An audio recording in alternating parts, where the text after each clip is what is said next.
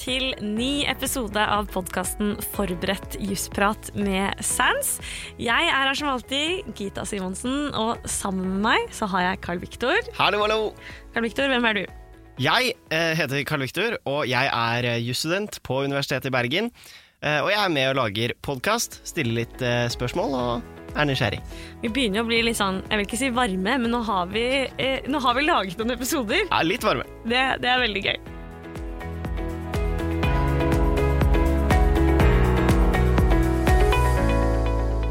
Dagens episode handler ikke om et spesifikt fag, men noe som du kan bruke i alle fag omtrent. Det stemmer, for i dag så skal vi jo snakke om det å studere juss, og det å skrive juss. Juridisk metode. Ja, det hørtes ikke no så ut som noe man gjør på 1, 2, 3. Det tror jeg ikke. Det er, eh, jeg syns i hvert fall det er vanskelig, og det er noe man jobber med hele tiden på studiet, og sikkert etterpå også. Og derfor har vi invitert en knallbra dame fra Sands, Anne Karin Thorsen. Velkommen hit til oss. Tusen takk. Kan du fortelle litt om hvem du er? Uh, ja. Uh, ja, jeg heter Anne Karin, uh, er fra Oslo. Studert juss eh, fra 2012 til eh, 2018. Og er nå advokatfullmektig på Sand sitt kontor i Oslo. Eh, og der jobber jeg primært med arbeidsrett, men også med granskning. Spennende. Ja, det er spennende. Du skal hjelpe oss med denne store oppgaven eh, som vi har foran oss i dag. Jeg skal i hvert fall prøve å gi litt eh, tips og triks, og kanskje forklare litt eh, enkelt. eh, og kanskje komme med noen ja, små knep som man kan benytte i krisesituasjoner når man sitter på eksamen og, og faktisk ha litt jernteppe. Og da kan vi kanskje begynne med, med noe alle studenter, egentlig, uh, uavhengig av hva du studerer, bør utvikle, og det er dette med studieteknikk. Det er veldig store forskjeller på hvordan man lærer. Jeg er en person som lærer uh, mye av å lese og gjøre oppgaver, mens andre kanskje lærer av å sitte og høre på undervisning. Um, det jeg tenker er lurt, er i starten av jussen så må du, bør du gå og prøve alt. Gå på forelesninger, gå på kursundervisning, skriv alle oppgavene og se hva som fungerer best for deg selv. Eh, Etter hvert så vil du nok oppleve, sånn som jeg gjorde, at eh, noe gir meg egentlig ikke så mye. Og da kutter du ut det og er litt kritisk. Det er mitt, eh, mitt tips. Drit litt i hva alle andre gjør.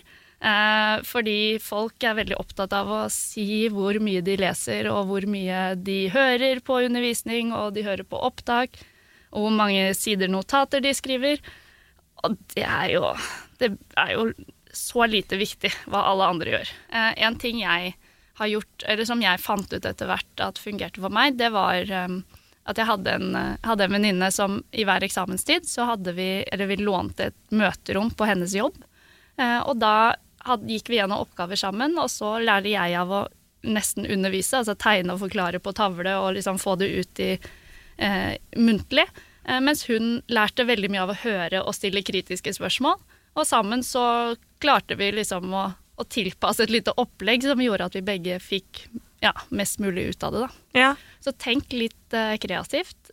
Og her, litt av det du nevner her, handler også om å dele eh, kunnskap.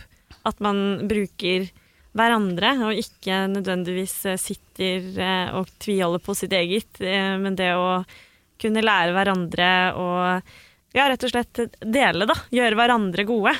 Ja, og det tror jeg man har alt å vinne på å gjøre. Og hvis du sitter og holder på ditt eget, så har du alt å tape. Eh, og, men man ser jo på jussen at det er mange som, som holder på sitt. eh, og, og sitter på sin høye hest, kan du si. Men, men i arbeidslivet også så er det jo ikke sånn at du sitter og, og ikke deler. Altså man er jo et team på jobben. Eh, så det å lære seg at man har mye å lære av hverandre, og at man kan tørre å stille spørsmål til hverandre uten at det virker som at du er dum da. Eh, at du liksom, ja, tør å blottlegge deg selv litt, og tør å si hva du selv mener, og dele erfaringer, det tror jeg er kjempeviktig. Mm. Ja, det tror jeg òg. Ja, nå har jeg gått eh, nesten to år på jussen, og jeg merker jo allerede at jeg har jo endret hvordan jeg studerer veldig mye eh, allerede. Blant annet så har jeg jo hørte jo liksom helt fra starten at folk snakket veldig mye om å bruke eksamensoppgaver og se på det, eh, spesielt i liksom eksamensperioden, da.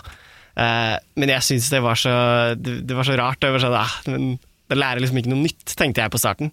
Så det tok litt tid før jeg kom i gang med det. Eh, men så har jeg hatt veldig god erfaring med det etter hvert. Eh, hva tenker du om eh, å bruke oppgaver på den måten? Nei, altså jeg tenker at det er en kjempeviktig del uh, av uh, eksamensforberedelsene. Og jeg har i hvert fall syntes at det har vært helt avgjørende for å føle meg litt forberedt. Uh, både fordi man vet hvor nivået litt ligger, men også fordi man, man, får en måte til å repetere det man har, har lært. og til å øve seg litt på å skrive. Og, og, i hvert fall i Oslo så er det ikke så mange Altså det er jo ikke noen obligatoriske oppgaver i Oslo på samme måte som i Bergen i starten. Ehm, sånn at man har kursoppgave og fakultetsoppgave, og de leverte jeg i starten for å få øve meg på hvordan man skulle skrive, men, men det er ekstra viktig da å kanskje sette seg ned og prøve å skrive ut en del oppgaver. Um, og jeg lærer ting ved å gjøre det fremfor å pugge det. Uh, sånn at det var sånn jeg følte at jeg at jeg lærte både oppgavestrukturering, men også egentlig jussen og juridisk metode. Så, så det syns jeg er, er, kjempelurt. Og du trenger jo ikke å skrive ut alle oppgaver hvis du har dårlig tid. Jeg skrev nesten ikke ut noen teorioppgaver, fordi det hjelper der å sette inn stikkord og strukturere og få en oversikt, og så skrive praktikumsoppgaver kanskje litt mer. Um, men bare det å liksom ha tenkt seg litt gjennom, det, det tenker jeg er kjempelurt. Ja, og så er det jo en annen ting også, da, som er sikkert ikke bare jeg opplevde. Du har kanskje gjort det du òg, Karl Viktor. Og det er jo når du sitter en uke før eksamen, og så gjør du en oppgave som ikke du skjønner en dritt av. ja. Og da er det jo mange som kan få panikk, og jeg fikk alltid panikk fordi ingen av mine venner eh, liksom hadde kanskje problemer med å skjønne den, og så var det en annen de ikke skjønte som jeg skjønte. Altså, Eh, man, man, får jo litt sånn ja, Hetta. Man får litt hetta, rett og slett. Og, og da tenker jeg at det er uh, Jeg prøvde i hvert fall, jeg vet ikke om det var så vellykket, men jeg prøvde å snu det litt om, og så tenker jeg sånn at hvis jeg nå øver meg på hvordan det er å få litt hetta når du sitter og skriver, da. Fordi du kommer jo til å komme på eksamen og mest sannsynlig få litt hetta. Ja. Så det å liksom snu det til noe positivt og liksom Ok, hvordan skal jeg klare å løse en oppgave Eh, selv om jeg har litt hett, da. Eh, så prøv å liksom ikke, ikke la det liksom trykke deg ned og la deg miste selvtilliten av at du ikke får det til eh, i forberedelsene, men se heller litt positivt på det. All forberedelse er bra når, hvis man kan øve seg litt på den situasjonen man kommer opp i. Men for å være klar til eksamen, så uh, har man jo Tidligere har man hatt lovsamling på eksamen, men nå har vel alle de juridiske fakultetene gått over til Lovdata. Så det betyr at man må markere litt i Lovdata for å være klar. Og hvordan går man fram da? Mitt tips, da, um, særlig i starten, men også kanskje utover hele jussen, er jo um, å sørge for å ha markeringer som i hvert fall eh, unnlater liksom, tvil om hva som skal vurderes i oppgaven din. Da.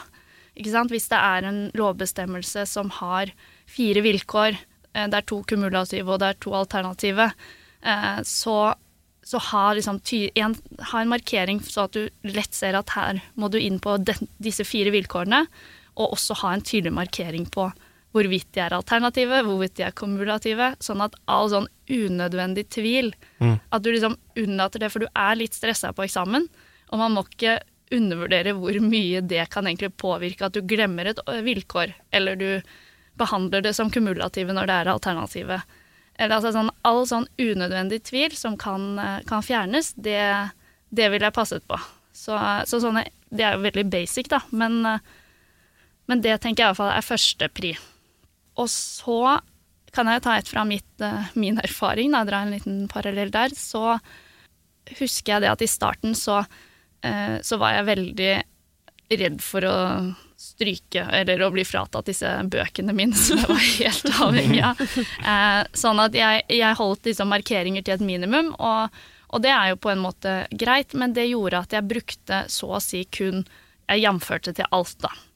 Du har lov til å ha med deg ulike forkortelser, i hvert fall i Oslo, så hadde du lyst til å liksom skrive C, endret, konferer, jamfør, litt sånn ulike bestemte forkortelser som du kunne bruke i henvisningene dine.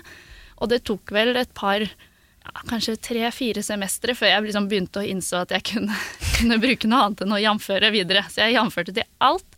Og det fungerte jo, for jeg skjønte jo liksom egentlig hva jeg mente. Men det ligger så mye hjelp bak å velge det riktige ordet. Sånn at hvis du tenker litt mer bak liksom, hva er det du skal faktisk henvise til her, og hvis du tenker, liksom, har du en plan da, med alle henvisninger, og at systemet ditt faktisk At du utnytter det systemet som er der, da, og de mulighetene som ligger i å faktisk bruke alle disse ulike henvisningene. Så det gjorde i hvert fall at jeg fikk eh, veldig mye mer ut av mine henvisninger eh, og markeringer enn det jeg, enn det jeg fikk helt i starten. da. Ja, Der er det jo også en fordel å ha Lovdata nok en gang, eh, for Ja. den lar deg jo ikke skrive markeringer som Eller kommer ikke opp med markeringer som er ulovlige, og du får opp en måte, beskjed da, om markeringene dine er lovlige eller ikke. Det er helt Eh, genialt. og jeg mener det også er mulig å få frem bare liste med alle ordene du kan bruke. Altså, ja, som du sier, i tillegg til jamfør, så er jo kontra og endret og Ikke sant. Eh, ja, det er jo helt genialt. Da slipper du jo all det problemet med sånn uh, juksefrykten. Og da har vi jo kommet litt eh, videre og til det å faktisk skulle skrive oppgaven. Hvordan går du fram for å skrive, bygge opp en juridisk oppgave? For å si det sånn, det, det kommer jo fryktelig an på oppgaven. Du har teorioppgaver, og du har utallige varianter og variasjoner av en teorioppgave. Alt fra eh, analysere Høyesterett eh, til å bare skrive en type liksom, kapittel At oppgaveteksten er en kapitteloverskrift, nesten, i, i boka. Eh, til praktikumsoppgaver. Og så har du innenfor der igjen så har du jo ulike fag som kanskje kan påvirke, påvirke hvordan du bør legge den opp. Men eh, det som går igjen, det er jo juridisk metode. Ikke sant? Uansett om det er teorioppgave eller praktikumsoppgave, så må du ha juridisk metode i bak, bakgrunnen, altså i bakhodet. Og særlig kanskje i starten i teorioppgaver, så er det kanskje altså ofte, og jeg gjorde det også selv, og måtte minne meg veldig på det, at nye studenter glemmer litt eh, juridisk metode som hovedfokus når man skriver en teorioppgave spesielt. Da. Ikke sant? At det blir mer en redegjørelse, ut, og så glemmer man litt eh, juridisk metode. I tillegg så er det jo en forskjell her, og det er jo nettopp at eh, i en juridisk, altså en teorioppgave, så må du jo se generelt. Sånn at juridisk metode blir jo nødvendigvis litt mer generell. Det blir ikke tilpasset ett faktum, men du må trekke et mye bredere perspektiv. Trekke inn mye flere kilder, analysere alle kildene, sånn at det blir, blir litt annerledes enn en praktikumsoppgave som blir mer spisset. Og i starten av studiet så snakker veldig mange om å knekke koden. Eh, det har sikkert du også snakket om, Karl Viktor, eller Ja. i hvert fall hørt eh, folk snakke om. Absolutt. Eh, og det gjelder jo både juridisk metode generelt, og det å strukturere og bygge opp en oppgave. Ikke sant? Og det henger jo veldig mye sammen, eh, men eh, det er liksom en liten eh, en kode som må knekkes, eh, og det tar litt tid. Når det kom til ja, både teori, men særlig praktikumsoppgave for meg, eh, så hjalp det veldig å tenke pedagogisk. Og det er litt sånn, og med det mener jeg egentlig at du må tenke hva, hvordan kan jeg enklest mulig ta sensor som leser hundrevis av oppgaver, enkelt gjennom min oppgave. Ikke sant? Jeg skal lede sensor fra A til Å, og særlig en praktikum når du skal gjennom utallige vilkår og lovbestemmelser. Hvordan kan jeg enklest mulig gjøre det? Uh, og da er jo dette som alle snakker om, disponere oppgaven på forhånd. Sette opp liksom alle punkter du skal gjennom, med overskrifter og underoverskrifter og underkonklusjoner og underproblemstillinger og alt sånn. Uh, og så ta, gjøre det så enklest som mulig. Så hvis jeg skal gå nærmere inn da, på, på hvordan man skal skissere en sånn oppgave Mm. um, Hvis jeg skal se på praktikum først, da, så må du jo starte med overordnet uh, problemstilling, eller spørsmålet som er i oppgaven. For i starten, i hvert fall i Oslo, jeg vet ikke hvordan det er i Bergen, Karl Viktor, men uh, i Oslo så får man et spørsmål uh, de første to årene, og tredje året må du finne, finne spørsmålet selv. Og da må du bare du må begynne bare enkelt med oppgaven. ikke sant? Spørsmålet i oppgaven er har Peder Aas rett til å heve avtalen? ikke sant? Heve kontrakten. Så må du gå rett over enkelt og greit på å finne rettslig grunnlag. Eh, og deretter så eh, må du da utlede hvilken altså rettsregelen av lovteksten. ikke sant? For ofte er lovteksten det rettslige grunnlaget, og så må du finne ut hva, sier, egentlig- hva ligger i lovens ordlyd. Da må du tolke ordlyden. Dette er jo basically sånn metodelære, da. Finne den naturlige språklige forståelsen av ordlyden først.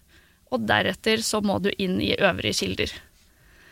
Og gjennom eh, de øvrige kildene, som da er hovedfokus på eh, forarbeider, eh, høyesterettspraksis Det er jo særlig liksom, de viktige lovtekstforarbeider og, og høyesterettspraksis. Mm. Eh, men også da eh, se på øvrige kilder, som reelle hensyn, f.eks. Så må du utlede sant, hva er vurderingstema, hva ligger f.eks. i dette vilkåret. Vesentlig mislighold, ikke sant. Og når du har slått fast hva du skal vurdere, og hva som ligger i det, og hvilke momenter som gjør seg gjeldende, som du må trekke inn i din subsumsjon, så må du inn og subsumere.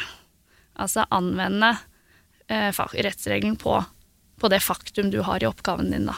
Det som er litt sånn problematisk her, er jo hvis det er mange, hvis det er mange vilkår, ikke sant. At du må gjennom mange operasjoner, så å si, for å komme til den endelige konklusjonen. Eh, så, så, det er jo der, liksom, det er der utfordringen ofte ligger. Da. Holde tunga rett i munnen, og det er der jeg anbefaler veldig å tenke pedagogisk. Da. Og eh, til slutt, etter at du har subsumert, så er det jo konklusjon. Og det som er viktig eh, før du begynner å konkludere, er at du redegjør for hvorfor du kommer til den konklusjonen du gjør. Eh, Altfor mange eh, sier 'dette taler for', og 'dette momentet taler mot'. Konklusjonen er for. Og det er eh, Det er fy. Og så må du for all del huske på at eh, du skal holde deg til, eh, til faktum i en praktikumsoppgave, og eh, ikke, ikke prøv å Ikke brif med alt du kan. De, de store parallellene og, og slik, det kan du ta med i en teorioppgave. Oh, det er lett å brenne seg på hvis man har lest litt mye rett før eksamen. Eller, eller hvis du får litt panikk, ja. eh, så er det veldig fort gjort å, å bare begynne å bable. Ja. Men et sånn eh, litt sånn Kanskje vil ikke si stridstema, men noe hvor det er noe uenighet, i hvert fall er jo dette med bruk av underoverskrifter i praktikumsoppgaver. Mm. Hva tenker du om det? Eh, jeg hadde mye hell eh, med å bruke altså, underoverskrifter i form av underkonklusjoner. Mm. Ikke sant? At du har en overordnet eh, spørsmål og problemstilling, og så har du ikke sant, for eksempel hvert vurderingstema ble en, en, en underproblemstilling. Da. Bare sånn at, at, man kunne nesten krysse av. Eh, det gjør det lettere å, å henge med. Eh, du må tenke på at at uh, en sensor ser ofte på uh, ser ofte på om du har fått med deg alt. Uh, og særlig hvis det er lange, kompliserte oppgaver, så er det bare et pluss å få med seg, få med seg alle vilkår og alle vurderingstemaene. Jeg brukte nok ikke andre overskrifter enn det, med mindre Altså i når du kommer i hvert fall opp i tredje da, og du skal finne dine egne du må finne sånn juridiske spørsmålene selv, så blir det jo klart at det er kanskje flere spørsmål som må besvares. Men under hver, hvert spørsmål så brukte jeg eh, ikke så mange, mange underoverskrifter, nei. Og det er jo i praktikumsoppgaver, og der er det jo litt sånn. Men i teorioppgaver så er det jo eh, mer bruk av eh, mer tradisjonelle underoverskrifter. Og det er jo eh, fortsatt noe som eh, folk er litt uenige om hvordan man bruker, og folk er litt usikre på. Um, ja. Hvordan går man fram der? Bruk overskrifter som sier noe om hva du faktisk uh, Hvilket perspektiv du skal snakke om i, i det avsnittet. Um, og jeg uh, tenker, og jeg har også snakket med uh, flere venner som er sensorer rundt omkring, og de sier at altså, en, en sensor leser fryktelig mange oppgaver og det å ha overskrifter, det er helt gull. Eh, da kan du krysse av og se at de har fått med seg mange perspektiver kun ved å bare se på overskriftene. Og de leser jo selvfølgelig også oppgaven, men det gir et, et førsteinntrykk som er veldig, veldig, solid, hvis man liker de overskriftene som, som, er der. Da. Hvis du ser gjennom overskriftene at vedkommende har brukt juridisk metode, at vedkommende ser f.eks. begrunnelsen bak reglene, hvilke hensyn som eh, gjør seg gjeldende, hvorfor man har regelen, eh, om det er noe spesielle, et spesielt rettskildebilde som regelen eh, skal fungere i, som tilsier at man må ha et, ja, et perspektiv på, på, redegjørelsen man skal ha, så er det helt Altså det gir et veldig solid inntrykk da, i, i starten, og det letter jo også leseopplevelsen betraktelig, da. Avsnitt og underoverskrifter. Mm. Nå har ikke jeg snakket enda så mye om den oppbygningen, da. av en teorioppgave. Hvis jeg gi noen tips, da, så, så det jeg eh, alltid tenkte, var at eh, i starten så vil jeg anbefale at du Si at du får en kapitteloverskrift, eller du får en, en bestemt lovbestemmelse som du skal redegjøre for, eh, som man ofte får. Eh, begynn først å aktualisere den, eller altså si noe om hva den handler om, aktualiteten. Eh, plasser den kanskje eh, rettslig. Ikke sant? Hva, hva, er det egentlig denne Hvilken lov? Eh, hva skal den beskytte? Altså bare si noe om den, sånn at den blir satt litt inn i en kontekst i starten. Og så kan du eh, avgrense oppgaven om nødvendig, men det må man være litt forsiktig med alltid, fordi eh, det er viktig å ikke brenne seg på at man begrenser oppgaven. Ikke sant? Det er veldig fint hvis du ser hvilke, hva som ligger på utsiden av oppgaven, og vise sensor at ok, dette er oppgaven, og da skjønner jeg at det og det og det er liksom grensene. At det grenser til det, men det faller utenfor. Eh, men pass på å ikke ikke gå i den fella at eh, du bare kan deler av det de spør om, og så avgrenser du til det, og så unngår du å snakke om det du ikke kan, som du egentlig vet at, at hører med i temaet. Ja, kan være fristende, da. ja, så etter man har gjort det, så vil jeg anbefale veldig eh, at du går inn på hensynene, ofte bak regelen. For i en teorioppgave så kan du kan du være litt mer, eh, gå litt dypere og se ok, hvorfor har vi denne regelen. Hvilke hensyn er det som gjør seg gjeldende, hva skal den beskytte? Hvilke interesser er det som er motstridende her? Sånn at ok, hvor er egentlig grensen for hvor, når regelen skal komme til anvendelse og ikke? Fordi veldig mange regler er jo laget for å liksom nettopp nå Det er to motstridende interesser da, som står mot hverandre, og så skal regelen liksom balansere litt. Og hensynene eh, som begrunner regelen, vil jo ofte forklare også hvorfor den er Hvorfor går grensen akkurat der? ikke sant? Hvorfor er den satt der, og hvorfor faller det ene på utsiden og den andre innenfor? Og det at man kan prøve å ja, se de eh, perspektivene og belyse litt hva, eh, den skal verne, og hva som er formålet med den, så, så, er det veldig fint å gjøre, gjøre i starten av en oppgave, fordi du kan det kan du bygge på hele, hele tiden da, mm. i resten av oppgaven. Et annet tips er jo hvis det er på forvaltningsrettens område, som eh, Dere hadde jo noen podkaster om det i starten. Så er det jo et rettskildebilde der er jo litt annerledes enn i privatretten. Og, og kanskje si noe om, om, hva som kjennetegner det rettskildebildet. Sånn at, fordi det har jo, har jo litt å si for, for hvorfor eh, den, de øvrige drøftelsene som du vil ha. da. Så da spiller du deg selv litt god ved å, ved å begynne litt med det. Um, så drøft uh, oppgaven. Der er det litt vanskelig å, å si noe generelt, uh, for hva, skal, hva, oppgaven handler om, det er jo varierende. Men bruk hele tiden uh, det du har sagt i starten, med hensyn, interesser, formål osv., og, så og trekk paralleller opp der, for da, da viser du virkelig at du, at du forstår det. Og for all del, bruk juridisk metode hele tiden belyse eksemplene med, ved hjelp av eh, altså Finn argumentasjon i de tunge kildene, og bruk høyesterettspraksis for eksempel, som eksempler. Hvordan, hvordan bruker man høyesterettspraksis? Det er jo sånn Når man er helt uh, ny på studiet, f.eks., så man jo, må man jo starte med å spørre seg hvordan man skal lese en høyesterettsdom. Uh, ja. ja. Eh, jeg begynte jo enda verre. Eh, første uken så jeg, var vi en gruppe som måtte gå og spørre hvordan, hvordan åpner vi en lov. Så høyesterettsdommer, det var liksom det var neste steg. Det var for veldig avanserte. Men eh, det kan si hva jeg gjør, da. Det er at jeg begynner alltid med å lese sammendraget. Litt for, for å få en oversikt over hva det handler om. For å skjønne hva, hvilke juridiske problemer som, som skal, skal gjennomgås. Så leser jeg alltid faktum, altså den innledende biten, kun for å Faktum er kanskje viktigere nå som advokat fordi man leser utallige dommer, eh, men det er greit å plassere jussen i en, en, kontekst, sånn at du skjønner også drøftelsene eh, lenger ned. Eh, så les faktum, sånn at du skjønner hva saken handler om.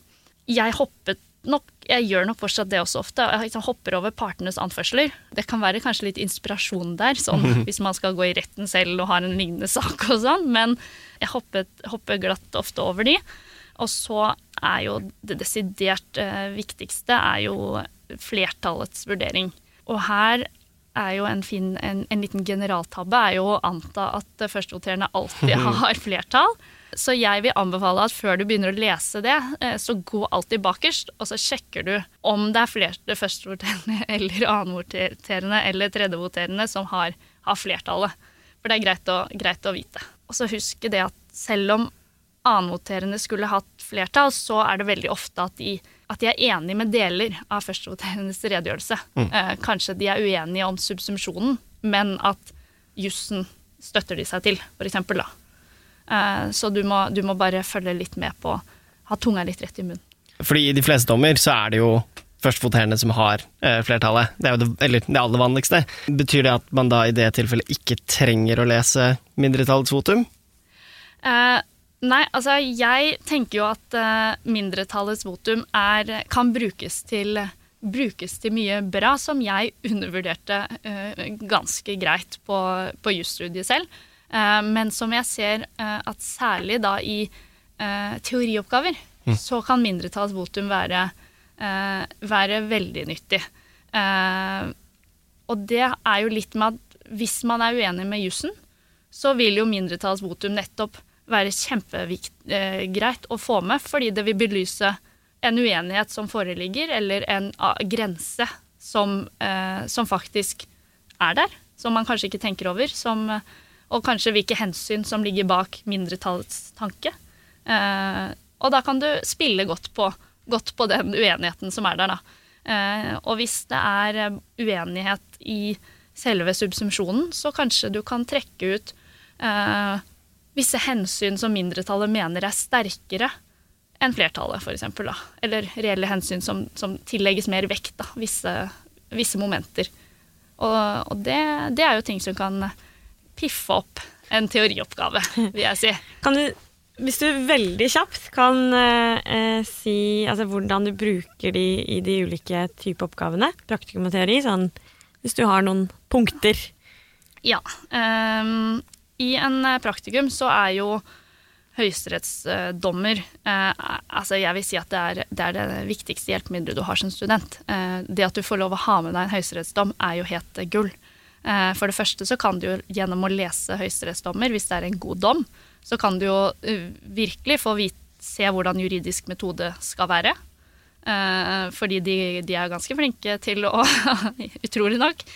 Veldig flinke til å, å gå gjennom rettskildene og, og, faktisk finne rettsregelen og vurderingstema.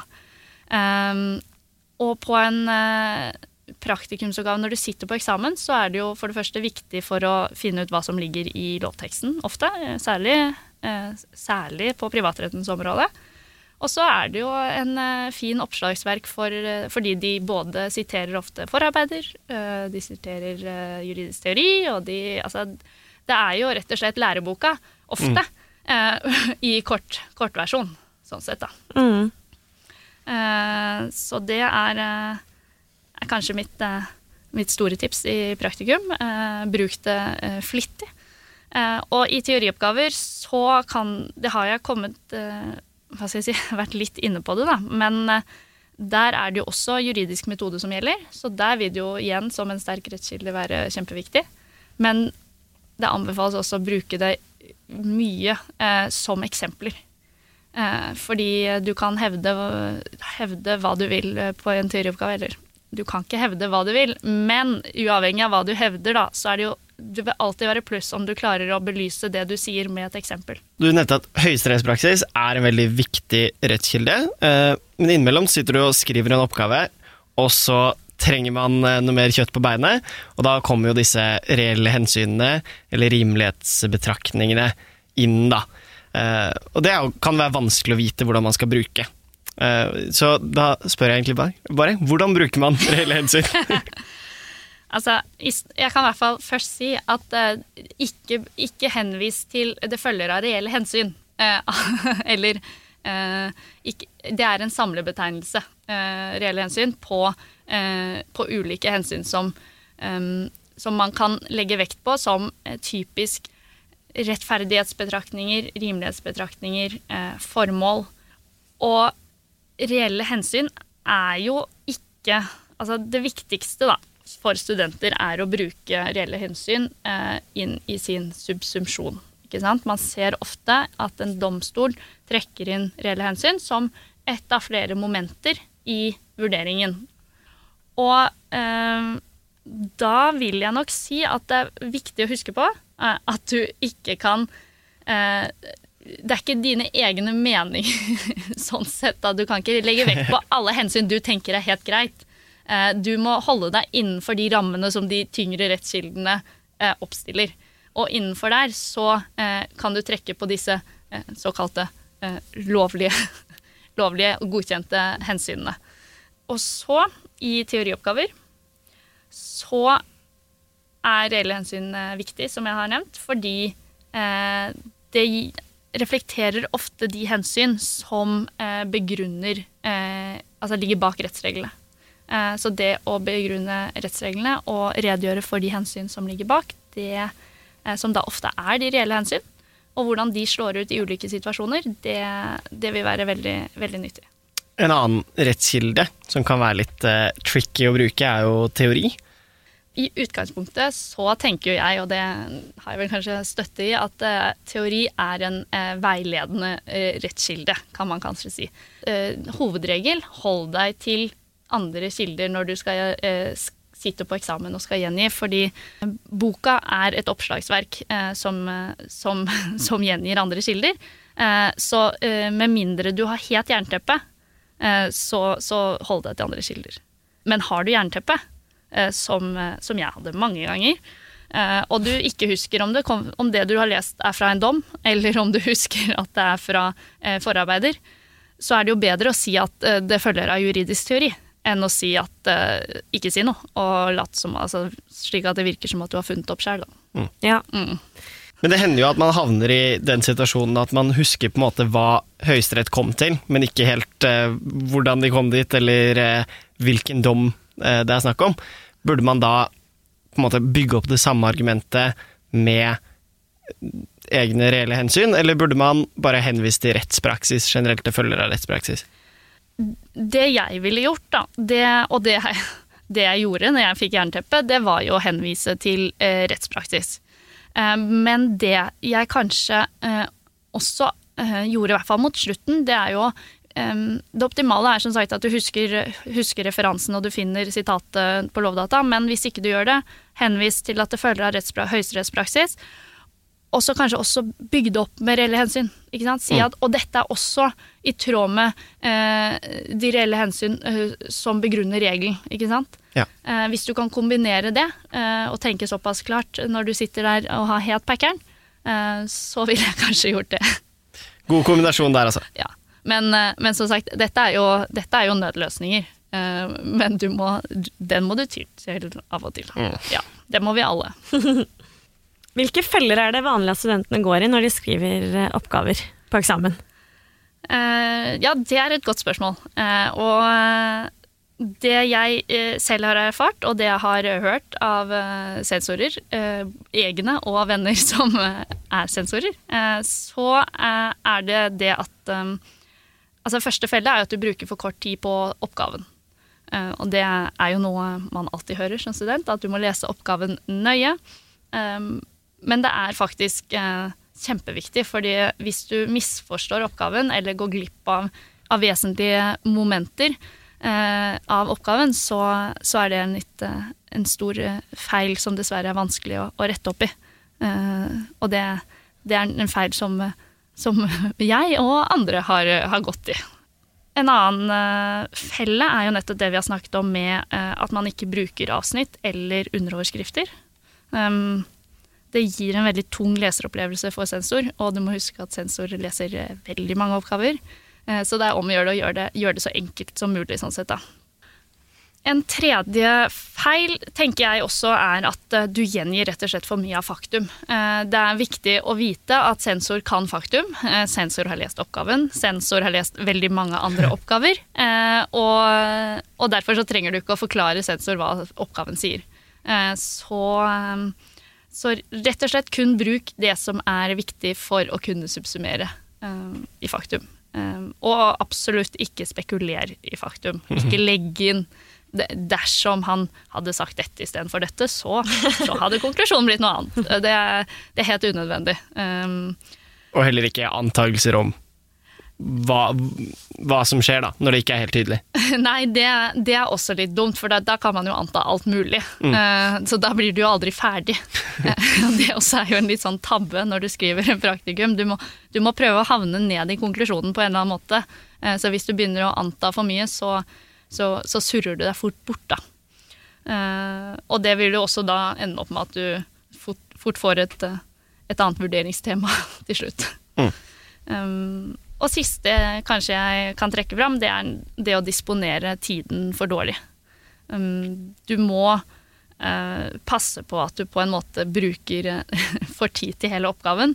Uh, og, og det hjelper, eh, det hjelper liksom ikke å skrive til sensor at du fikk tidsnød, det skjønner de, og, og det er egentlig din, det, er, det, er din, det er din feil, rett og slett. Eh, så, så disponer tiden din godt. Eh, Og hvis du nå sitter på eksamen, og så har du glemt alt av hva Anne Karin har sagt, hva skal jeg gjøre? Jeg husker ikke en dritt. Hva er ditt beste tips? Ja, øh, ja og, og, da må jeg bare først og fremst si øh, fortvil ikke, det, det har vi alle opplevd. Um, mitt beste tips er jo hvis du da ikke Du husker ingenting. Du husker ikke hvor du finner rettsregelen, du finner ikke forarbeidene. Altså, eller lovteksten er det jo greit å finne da, først. Mm. men hvis ikke du finner dom, dommen du hadde liksom planlagt å gjennomgå, og, og ingenting, så må du rett og slett back to basic. tenk enkelt. Tenk juridisk metode. Du kan alltid eh, finne naturlig språklig forståelse av eh, lovens ordlyd. Eh, du blir ikke tatt for at du eh, kanskje har en litt annen forståelse av den ordlyden. Eh, og du kanskje husker noen momenter, eh, ikke hvilken bok, ikke hvilken dom, men du husker kanskje noe. Og så kan du alltids tenke, eh, prøve å tenke litt klart, finne noen hensyn som bygger under regelen, sette dette sammen og, og vurdere. Og da vil du i hvert fall ikke stryke på den delen. Eh, for jeg tenker at opp, du får kanskje ikke A hvis du har gått helt tom på siste oppgave. Men det hjelper jo bare å, å ligge an til å få en C hvis du klarer på akkurat den delen. Da. Jeg hadde en eh, sånn opplevelse selv eh, en gang. Jeg var eh, tre ganger inne på do på, i løpet av eksamen. Ikke for å gå på do, men for å ta vann i ansiktet og begynne å Jeg slo meg selv. Liksom, Klapsa meg selv på kinnene. Liksom, og måtte, nå må du skjerp deg! Uh, og, og, for jeg ante virkelig ikke hva jeg skulle skrive. Det var helt umulig. Jeg hadde brukt to timer på å skrive noe som jeg bare tenkte sånn Dette er jo bare dritt. Skal jeg bare slette hele oppgaven? Men i Oslo så, så kan du liksom ikke det er ikke så ofte man bare går sånn som i Bergen, så av og til så bare leverer du blank, men da er liksom halve året Da har du brukt et halvt år på ingenting. Mm. Eh, så, så da var det rett og slett bare å, å gå liksom back to basic. Tenk sånn, tenk enkelt. Eh, og ikke få panikk. eh, Sånn, nå fikk jo jeg litt panikk, da, men, men ikke babl. Gjør det heller enkelt, og vis eh, at du i hvert fall kan juridisk metode. Og selv om ikke den er helt optimal, så, så kommer, du, kommer du ganske langt med den. Så, så det er, det er mitt, eh, mitt triks. Altså, mange får panikk på eksamen.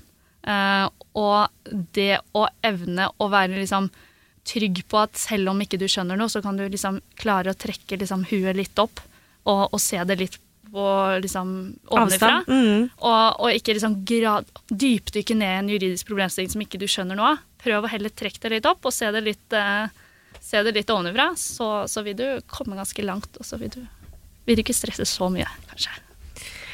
Deilig avslutning, tenker Veldig. jeg. Veldig. Så hvis du ikke husker en dritt, så er det en løsning på det, ja. Det er alltid en løsning. Det er alltid en løsning. Det er, ja, og du er ikke den eneste. Mest sannsynlig er det ganske mange rundt deg som ikke husker en dritt heller. Så det, Antageligvis. Ja. Tusen takk for at du var med oss i dag, Anne Karin. takk for at jeg Du, fikk jeg, komme. føler at, eh, jeg føler ikke at jeg er klar for å studere juss, men jeg føler at jeg har lært en del om hvordan man kan bli bedre på det, i hvert fall. Ja, jeg får bare lyst til å dra hjem og bare studere masse og bare liksom Ja. Det er bra. Ja, det er veldig bra, da. ja. Det er ikke alltid. Hvis eh, du som lytter har noen spørsmål, spørsmål eller innvendinger, så send det gjerne til gsi at sans.no. Så ønsker vi dere der ute en trivelig dag, kveld, helg, når enn du lytter. Fin tilværelse videre. kan vi si det? Det var veldig generelt. Ja. Det var veldig, veldig bra. Ha det bra. Ha det bra! Ha det.